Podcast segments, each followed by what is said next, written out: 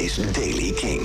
Vandaag is het overwegend bewolkt. In het zuiden komt er ook wat mist voor. Einde van de middag is er regen in het zuidwesten en westen. En het is niet warm. Slechts 3 graden vandaag.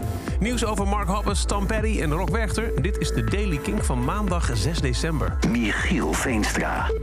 Mark Hoppus heeft deze zomer zijn diagnose met kanker per ongeluk op social media geplaatst, zegt hij in een interview. Hij plaatste in juni een foto van zichzelf in een stoel in een ziekenhuiskamer op Instagram met als bijschrift: Hallo, één kankerbehandeling alsjeblieft. Hij verwijderde het oorspronkelijke bericht ook weer snel, maar even later bevestigde hij inderdaad dat hij een behandeling ondergang, onderging voor kanker.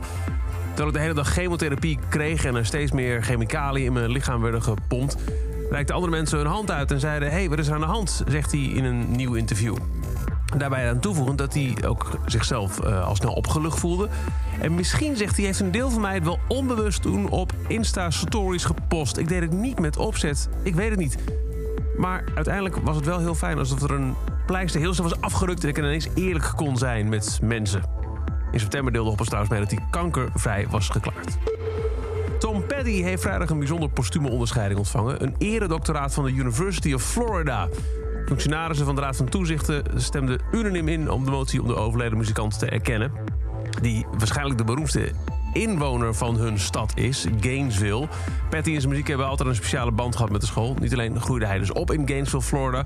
maar zijn hit I Won't Back Down is ook al jarenlang... door de atletiekteams van de Universiteit van Florida geadopteerd... als een onofficiële themalied. En afgelopen vrijdag, na de release van de vorige Daily King... voegde Rock Werchter nog vijf nieuwe namen toe voor de editie van 2022. The War on Drugs komen op de donderdag. Op de vrijdag zijn Louis Capaldi en Greta van Fleet toegevoegd aan de line-up. En op de zaterdag Youngblood. Tot slot, op de zondag komt ook Royal Blood spelen op Rock Werchter. 30 tot en met 3 juli 2022. En tot over deze editie van de Daily Kink.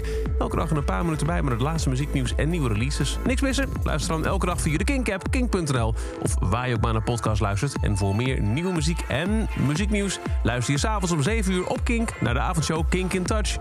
Elke dag het laatste muzieknieuws en de belangrijkste releases in de Daily Kink. Check hem op kink.nl of vraag om Daily Kink aan je smart speaker.